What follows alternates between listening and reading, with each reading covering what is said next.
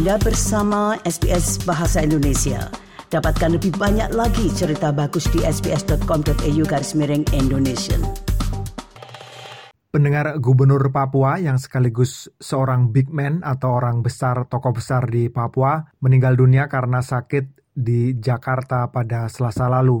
Lukas NMB, gubernur Papua ini sebenarnya sedang tersangkut kasus korupsi dan karena itu dia ada di Jakarta karena ditahan oleh KPK. Kematian ini menimbulkan kesedihan mendalam bagi warga Papua, meskipun Lukas NMB sendiri terjerat kasus korupsi. Saya mengontak tokoh HAM sekaligus pendeta Matius Murib yang turut menunggu jenazah Lukas NMB di Rumah Sakit Angkatan Darat Gatot Subroto sebelum kemudian diterbangkan ke Papua dan ketika sampai di Papua menimbulkan gejolak masyarakat di sana. Ikuti perbincangan saya dengan tokoh HAM sekaligus pendeta Pak Matius Murib mengenai kematian Lukas NMB ini. Pak Matius eh, terkait meninggalnya Pak LE Pak Lukas NMB ini sejauh ini sejauh ini apa yang bisa kita ketahui Pak? Ya, memang peristiwa akhirnya dia meninggal itu melalui proses yang luar biasa uh, menekan dia dari banyak sisi. Nah, ya dia menghadapi masalah hukum tapi juga dia mengalami masalah kesakitan fisik yang luar biasa berat dan pada akhirnya dia meninggal uh, dalam tekanan yang uh, seperti itu. Kalau meninggal biasa ya itu kita terima tapi meninggal dalam konteks uh, tekanan publik, hukum, mental semua itu tertekan sekali dan pada akhirnya dia harus meninggal dan kita berduka saat ini dan saya kebetulan di Jakarta hadir untuk memberi kekuatan tapi sekaligus mediasi supaya pihak-pihak boleh menerima uh, realita ini dengan tenang. Uh, ya bersyukur dalam dua hari di Jakarta semua berjalan baik. Malam tadi terbang, pagi ini tiba di Jayapura, Papua, dan berharap uh, proses di Jayapura akan berjalan aman, lancar, dan tetap saya berharap untuk uh, walaupun ada orang terpancing emosi, berduka, merasa kehilangan karena Pak Lukas sosok uh, pemimpin yang merangkul banyak pihak di Papua. Hmm dan dia sudah berkontribusi besar untuk pembangunan, kesejahteraan, dan dia ikut menyuarakan uh, persoalan dasar hak-hak masyarakat Papua dengan lantang dan karenanya banyak orang merasa kehilangan yeah. sosok Pak Lukas. Pak Matius sempat menengok ketika beliau sakit? Oh ya sempat. Saya sempat ke tahanan KPK.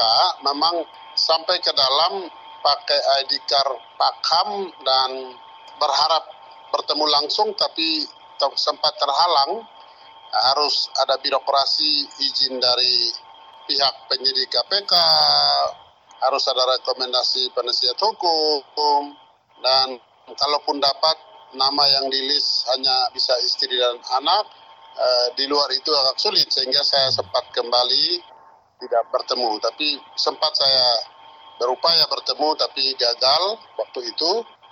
Uh, akhirnya saya dapat bertemu ketika beliau sudah meninggal dunia di kamar dia tinggal dan tempat dia meninggal beberapa jam setelah meninggal dan akhirnya bisa memberi kekuatan untuk keluarga, pimpin doa, ibadah dan semalam sudah diberangkatkan dengan baik.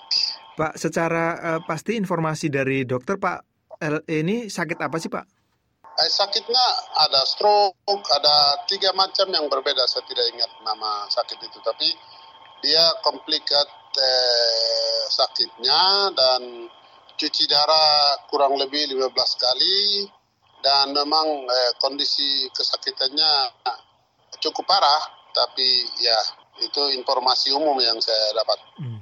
Ketika bertemu keluarga atau mungkin istri beliau, bagaimana uh, tanggapan dari keluarga dekat Pak LE sejauh ini? Oh ya pasti merasa kehilangan ya. Uh, tapi mereka juga sudah ikhlaskan dan mandatkan saya untuk pimpin uh, ibadah penguatan selama dua hari di Jakarta dan ya saya melihat sikap istri, anak-anak, uh, mereka menerima realita ini dan memang istri sempat katakan ya lebih baik daripada bapak mengalami tekanan dan sakit yang panjang merepotkan banyak pihak lebih baik meninggal supaya beliau tidak menderita berlarut-larut dan hmm. istirahat uh, dan mengikhlaskan ikhlaskan kepergian beliau. Tidak ada keberatan sebenarnya memang rasa duka pasti. Tapi ya saya berusaha kuatkan ibu dan anak-anak ya, ya semua orang akan meninggal eh, dengan segala cara dan lebih baik kita serahkan kepada Tuhan dan minta kekuatan dari Tuhan daripada kita menyalahkan sana sini hmm. dan akhirnya mereka menerima Ya, sejauh ini kalau kemudian masyarakat Papua atau mahasiswa Papua yang di Jakarta yang kemudian ikut uh, melayat ke Pak LE sikapnya bagaimana? Apakah mereka cukup bisa menerima kenyataan ini, Pak? Oh ya, uh, cukup eh, menerima kenyataan ya, tapi uh, mereka cukup menyesal, cukup sedih, kehilangan karena begitu sulit menurut mereka menerima sosok yang baik dan bisa merangkul semua, bisa mengerti semua, bisa mendukung semua itu hanya seorang Lukas dan karena itu mereka cukup sedih, menangis dan merasa sangat kehilangan. Emosi ada, eh, tapi ya itu tadi mereka harus bisa terima. Dan hmm. saya lihat respon mahasiswa semalam mereka cukup menangis dan berkomitmen ya kita melanjutkan perjuangan baik beliau dengan kita sekolah belajar sungguh-sungguh supaya Eh, walaupun satu orang Lukas pergi, tapi mereka klaim bahwa kami ada Lukas-Lukas berikutnya. Kami akan meneruskan eh, pengabdian, pelayanan, pembangunan yang baik yang beliau tinggalkan. Eh, itu komitmen dan sikap mereka yang saya tangkap eh, sem semalam. Ada kekhawatiran gejolak di Papua, Pak Matius? Oh ya, saya uh, terus terang khawatir uh, karena ada uh, hoax, ada isu, ada ya masa yang besar dan bisa saja berpeluang untuk pihak ketiga memperkeruh, memanfaatkan dan mungkin bisa terjadi. Tapi kami sudah arahkan dan doakan semoga uh, semua bisa mengontrol diri, emosi sehingga tidak terpancing dalam hmm.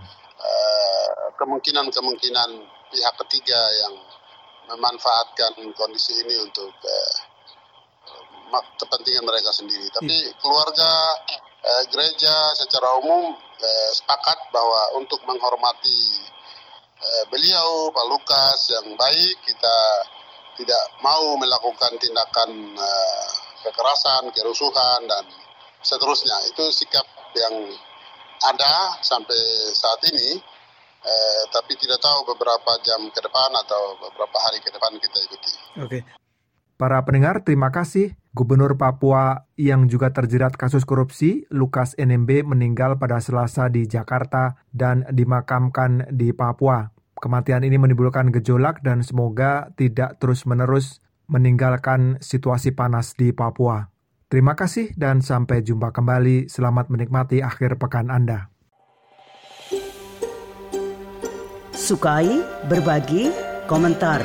Ikuti SBS program Bahasa Indonesia di Facebook.